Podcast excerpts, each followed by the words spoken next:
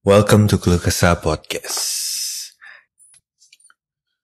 Kan di podcast eh, menyinggung nih ya Hmm. soal maksudnya so- kalau misalnya pernikahan itu hubungannya tuh antara ya dua manusia doang gitu, suami, istri dan ya mungkin misalnya ya Hmm. maksudnya sedikit-sedikit anak. Mm-mm. Nah, tapi gimana nih menurut lo soal kasus yang baru-baru ini yang lagi hangat-hangat ini? Jadi ada so- ada seorang pasangan, Mm-mm. jadi dua orang se- dua orang pasangan ini, dua pasang orang, Mm-mm. sepasang pasangan ini Hmm.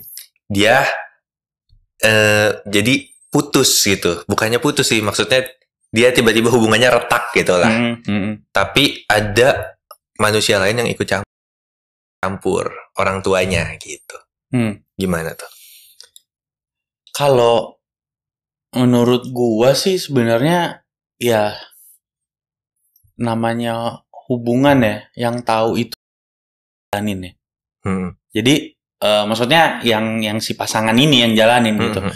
Jadi ya baik buruknya si pasangan itu eh, dan kemudian bagaimana mereka juga sih bahwa hubungan ini akan bisa lanjut atau enggak itu kan mereka yang tahu gitu. Jadi kalaupun ada ikut campur, ikut campurnya itu ada orang yang gini ya tipenya bukan cuma orang tua ya. Ada orang yang ikut campur itu mengintervensi Hmm. atau cuman komentarin. Oke, Nah, iya, iya. ini beda nih. Jadi makanya nih eh, kalau cuman sekedar eh, komentarin ya udah. Nah, tapi ada kalau ada intervensi di dalam hubungan itu bahwa eh, dan terlalu jauh gitu ya. Itu menurut gue sih eh, nggak bisa sih Nggak. orang mengintervensi sedalam itu gitu Hmm. loh. Even kalau menurut gua ya itu orang tua sendiri itu karena bisa aja ya itu memang yang terbaik buat salah buat mereka gitu loh. Maksudnya ini, maksudnya. Intervensi tuh gimana ya? Kayak ikut ya, ya yang pasti ikut campur Hmm. tapi lu nggak tahu eh sebenarnya gitu ya terhadap dari dari dari pasangan itu dan cenderung pasti memihak kan kalau intervensi kan. Nah, jadi apa namanya agak kalau misalnya orang itu terlalu ikut campur tapi nggak tahu dari sisi eh, apa informasi dari kedua belah pihak gitu loh. Nah, kalau misalnya intervensinya begini nih, contohnya, misalnya orang tuanya bilang, kamu sama dia karena kamu misalnya beda agama, beda ras, atau mungkin beda kepercayaan atau gimana gitu. Itu gimana tuh menurut lo? Ya, intervensi itu kan eh, selama anaknya menyampaikan, eh, orang tuanya menyampaikan kepada anaknya kan.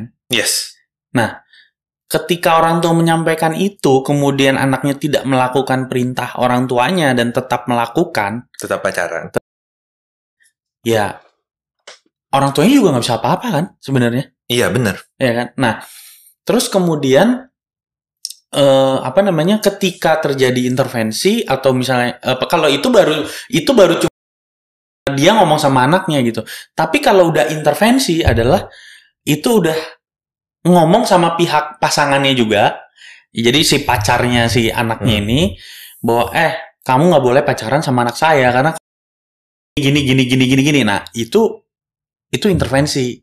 Oh, berarti misalnya nih, aku pacaran Mm-mm, sama, let's say, si cewek A. mm-mm. Nah, terus kalau misalnya orang tua aku ngomong, lebih baik kamu jangan sama si karena begini, begini, begini, itu masih komentar jatuhnya. Iya, Tapi kalau misalnya intervensi itu misalnya orang tua aku tiba-tiba ngechat si cewek A atau Iya. misalnya dia nge DM atau apa ngin terus tiba-tiba lu jangan eh, deket-deket anak gue lagi ya. Iya. Itu baru intervensi. itu intervensi namanya Hmm. gitu. Tapi kalau baru cuman sekedar eh, ya lu lu ngapain lah pacaran sama dia gini.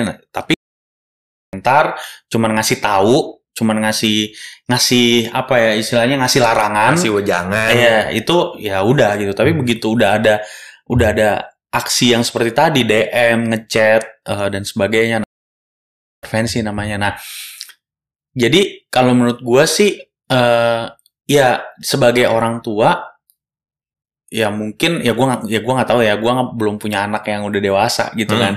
Eh mungkin kalau jadi orang tua pada umumnya mungkin mungkin pada Iya. umumnya orang tua semua mungkin seperti itu gitu ya. Hmm. Tapi kalau buat gua ada prinsip-prinsip yang sebenarnya emang ketika lu udah kayak di barat lah, Di barat. anak udah umur 17 tahun, ya lu udah keluar dari rumah, lu udah cari duit sendiri, lu cari penghidupan sendiri gitu kan. Nah, orang tuanya udah gak bisa intervensi apa-apa lagi karena dia udah makan dari sendiri, tinggal dari hasil dia sendiri, orang tuanya juga udah nggak ngidupin dia lagi. Dia punya independensi terhadap apa yang dia lakukan. Hmm. Tetapi balik lagi kalau ya lu masih tinggal sama orang tua lu, lu orang tua lu, lu masih masih belum punya pekerjaan atau lu masih pokoknya masih masih semuanya masih nebeng deh sama orang tua. Yes. Ya lu harus dengerin minimal lu harus dengerin orang tua. Gitu loh. Tapi kan susah. Kita kan culture-nya culture Asia gitu ya. Yang Betul. menganggap ya maksudnya ya kurang lebih ya anak tuh investasi orang tua. Bener gak sih? Yang kurang lebih Iya. kebanyakan masih mikir begitu. Iya sih. Lu kan udah gue gedein dari kecil. Masa lu gue suruh misalnya jangan pacaran sama si ini aja lu kagak mau. Iya sih, tapi balik lagi ya, makanya eh, itulah makanya di situ bedanya kan kita sama culture barat gitu. Mm-mm. Nah, tapi kan pada akhirnya anak-anak sekarang juga udah mulai berpikirnya seperti culture barat. Maksudnya gini, ya gue udah punya kalau gue udah hidup sendiri, kalau gue udah punya duit sendiri dan cenderung bahkan misalnya ngebantuin lu sebagai orang tua, misalnya kan contoh, ya bisa jadi em, orang tuanya juga melunak bisa jadi Hmm, karena tergantung bargaining powernya ada di sini. Jadi misalnya ya kalau kalau anaknya yang terlalu dependent kepada orang tuanya, pada akhirnya orang tua yang akhirnya bisa dominan bahwa ya lu masih tinggal sama gua, hidup sama gua, ya lu harus nurut sama gua kan gitu kan. ya lu belum bisa apa. Iya. Belum bisa apa-apa dah. jangan jangan sosok mau ngatur Mm-mm. diri lu sendiri lah. Gua berusaha yang terbaik buat lu. Itu orang tua yang yang yang apa eh, yang anaknya mungkin masih inde- apa eh, dependent terhadap orang tuanya. Tetapi udah independen, udah tinggal sendiri, cari duit sendiri, udah umur juga udah dewasa eh, dan bahkan mungkin orang tuanya misalnya bisa aja dapat eh, penghidupan juga dari anaknya. Dari pengalaman gua ya ada yang begitu. Orang tuanya mau nggak mau terima Oke, iya. karena eh, orang tuanya nggak punya bargaining power terhadap anaknya Hmm. gitu. Intervensinya ini kan dari orang tua. Hmm. Kalau misalnya dari temen gimana? Temen atau misalnya ya atasan atau bawahan itu gimana? Tapi tergantung bentuk intervensinya dulu. Istilahnya bentuk intervensinya misalnya eh, ap- eh, ya tadi eh, apakah sampai ngechatnya yang yang eh, DM atau salah satu pihak ber- berpihak Mm-mm. atau mengintervensi untuk netral. Jadi Oke. nih, jadi nih ada banyak banyak tipe nih. Lu meng, lu mengintervensi untuk menjatuhkan yang lain Hmm. atau lu mengintervensi untuk mendamaikan. Mm-mm.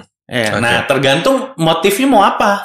Hmm. Ya tadi dari tadi bentuknya. Jadi bukan masalah teman eh apa Siapa siapanya, berarti ya? tapi motifnya apa gitu loh. Hmm. Bahwa ya kalau lu punya motif netral bahwa misalnya eh, nih sama-sama temennya nih. Jadi si A sama si B yang pacaran ini sama si C Mm-mm. gitu kan. Terus si C tiba-tiba udahlah lu berdua damailah. eh apa eh yang ya, wal- walau walaupun kalau lu mau ribu eh, putus segala macam ya udahlah damailah baik-baik dan segala macam. Nah, itu motifnya kan bagus kan. Kalau misalnya motifnya mau menjatuhkan salah satu, menurut gua itu tetap balik lagi eh kayak di podcast kita sebelumnya ingat nggak? Lu ketemu gua di fase kehidupan gue yang mana? Mm-mm. Tahu sepenuhnya apa yang gua alamin, gua rasain. Terus tiba-tiba lu mau ngejudge gua bahwa apa yang lu lakukan itu sebenarnya salah, gitu Iya. loh. Nah, jadi nggak bisa, gitu loh. Oke, ya.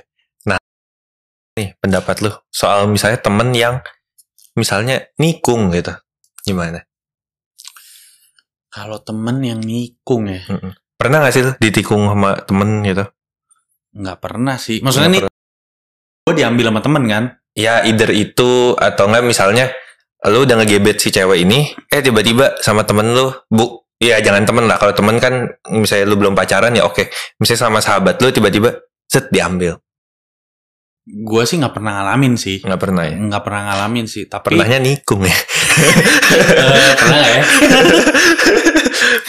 Jadi kalau kalau kalau eh, di kalau misalnya si sahabatnya eh, tikung gitu ya, ya mungkin ngomong gampang kali ya. Tapi kalau ngalamin gua nggak tahu ya karena gua nggak pernah ngalamin, jadi gua nggak bisa ngomong banyak.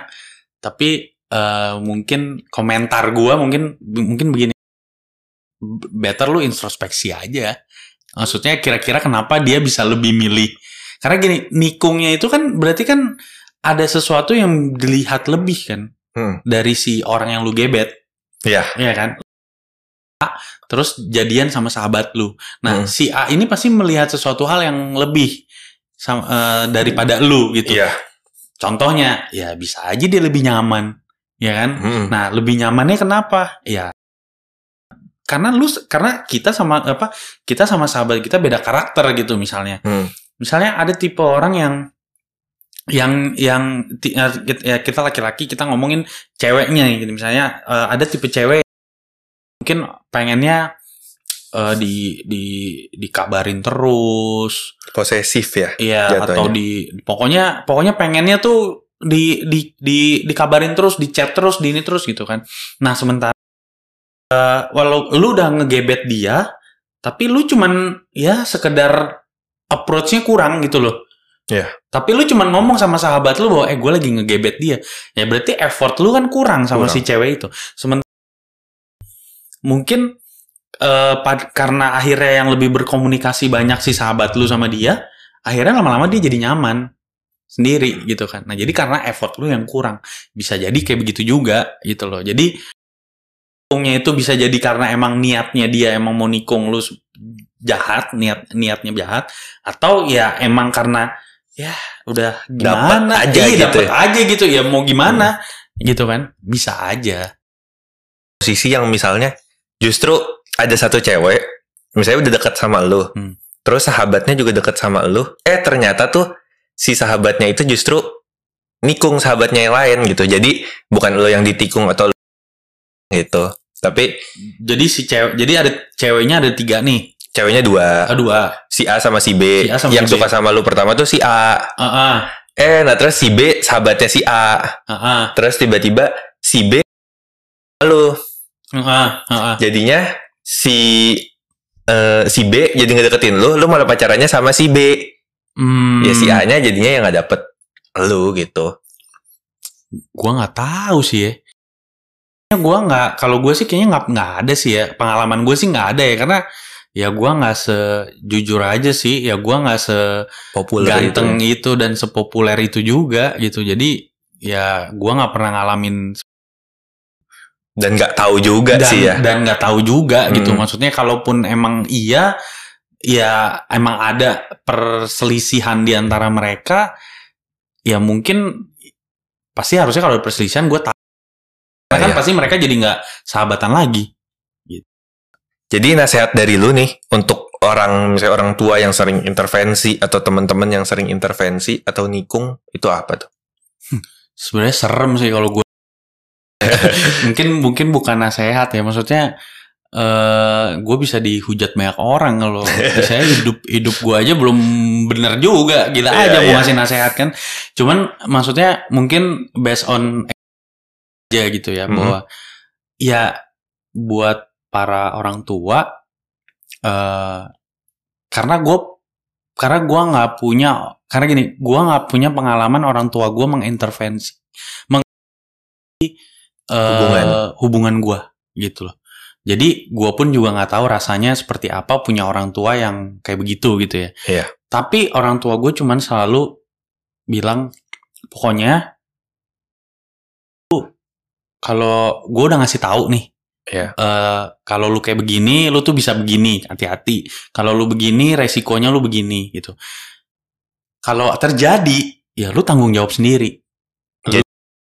Udah dikasih tahu aja. ya. Iya, jadi ya kalaupun ada apa-apa, ya lu bertanggung jawab terhadap setiap keputusan yang lu ambil.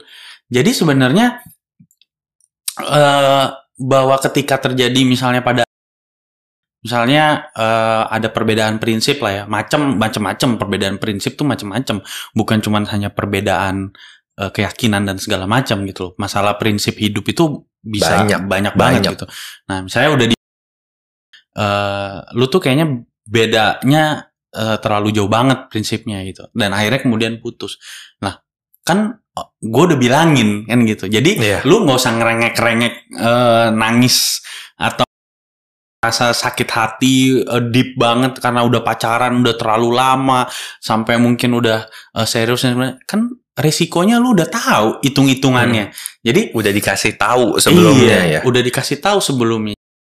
Sebenarnya harusnya ya ini adalah sebuah proses yang emang harus lu jalanin Hmm. gitu loh. Misalnya kalau kalau kalau dari gua gitu ya. Nah, apa apa based on gua pengalaman gua. Nah, terus kalau buat teman-teman sendiri yang misalnya suka si hubungan-hubungan teman-temannya gitu.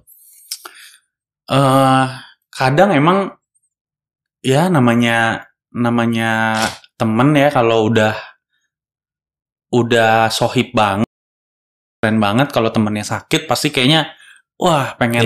Mm-mm. pokoknya wah tuh Jangan sampai temen gue sakit. iya Mm. gitu nah tapi ya pada akhirnya kalau gua ngelihatnya ya temen lu sakit tapi kita kan nggak tahu masa depan itu siapa tahu emang pada akhirnya dia mendapatkan orang yang lebih baik lagi gitu kan orang men- men- mendapatkan sesuatu hal kehidupannya yang jauh lebih dari yang dia dapat jadi ketika kita ngalamin suatu proses hidup yang nggak enak gitu ya ya kita ngomong broken heart lah ya intinya itu ya bukan akhir dari dunia lah gitu istilahnya kayak yang kayak eh, kalau udah broken heart tuh pasti udah aduh pengennya gini gitu mungkin bahkan sampai yang mikir aneh-aneh Yes, gitu kan yang mau yes. suicide dan segala Mhm. macam gitu tapi bahwa ya lu harus itu sebuah proses hidup yang harus karena hidup itu sulit Dan ya menurut gue gini ya. Kayak maksudnya ada temen gue yang kayaknya tuh di toxic relationship. Yang maksudnya di circle. Wah ini orang nih toxic relationship atau gimana. Hmm.